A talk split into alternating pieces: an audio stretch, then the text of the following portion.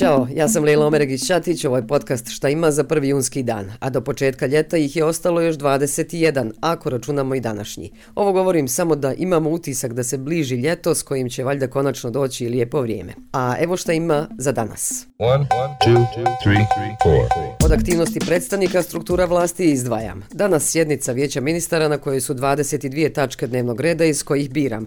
Usklađenost BiH sa preporukama Grekoa, što je tijelo Vijeća Evrope za borbu protiv korupcije i, kako piše, bit će to informacija u osvajanju drugog privremenog izvještaja o tome. Pa ćemo možda i saznati dokle je BiH sa tim usklađivanjem. Osim toga, najavljena je i sjednica vlade federacije, ali kod njih se ne zna dnevni red unaprijed, saznaćemo ga čim se usvoji na početku sjednice i bit će na webu. Pa onda u Mostaru sastanak delegacija koalicijskih partnera s državnog nivoa HDZ-a, SNSD-a i SDP-a. I ima još ovo, predsjedavajuća predsjedništva Željka Cvijanović učestvuje na samitu Evropske političke zajednice u Kišnjevu, na kojem su teme mir i sigurnost, energija i klimatske aktivnosti i međusobna povezanost u Evropi. U Banja Luci danas konferencija Mediji i civilno društvo, kritički glasovi pod pritiskom, koju će otvoriti šef delegacije Evropske unije u BiH Johan Sattler. Tema prvog panela je sloboda medija i nacrt izmjena i dopuna zakona koji se odnose na klevetu, dok će se drugi panel baviti temom civilnog društva i nacrta zakona o posebnom registru i javnosti rada neprofitnih organizacija.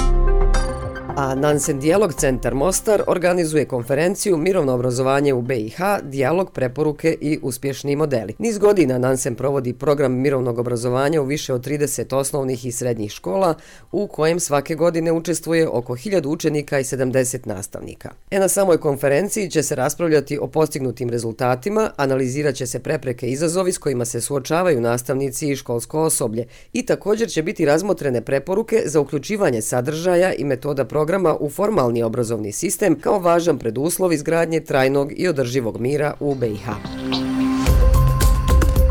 U Centru za kulturu Mostar večeras u 19 sati promocija zbornika radova pjesmom opjevane junakinje lirsko-narativne usmene književnosti koji se fokusira na žensko iskustvo i oblikovanje ženskih identiteta u usmenoj književnosti kao posebnoj vrsti umjetničkog stvaranja. I jedna od promotorica, akademkinja Elbisa Ustamujić za podcast Šta ima kaže da je zbornik izuzetno važan jer je prvi put postavljeno pitanje žene u lirsko-narativnoj poeziji koja podrazumijeva I događaj i likove. Likovi su žene, najčešće u okviru porodice, one su majke, one su mlade djevojke ili snahe, ali ono što je najbitnije, ove pjesme su pokazale vrlo visoki kvalitet kao što ima recimo taj kvalitet i naša balada koja je u svijetu još prije dva vijeka proslavljena, a o ovim pjesmama se mnogo manje govorilo ili se sklanjano u stranu kao neki feudalni karakter ili porodica nije zanimala jer su junačke pjesme prednjačile. Jel? Tako da je ovaj zvornik u desetak radova dosta značajno tu temu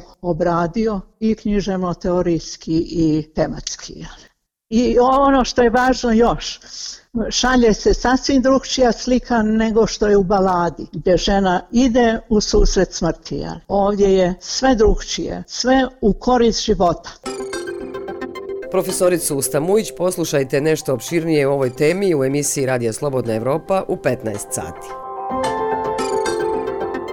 Još da znate, danas posebno slavimo roditelje, jer je 1. juni Generalna skupština UN-a još 2012. proglasila svjetskim danom roditelja. Ali roditelje slavimo svaki dan. Danas samo treba podsjetiti na njihovu ulogu u životu djece. Ljubav, razumijevanje, nesebičnost i požrtovanost. I hajde da završim citatom, neka to bude Michael Jordan koji je rekao Moji heroji su bili i ostali moji roditelji. Ne vidim da bi neko drugi mogao biti moj heroj. I to bi bilo sve u današnjem šta ima. Pozdrav do sutra na istom mjestu.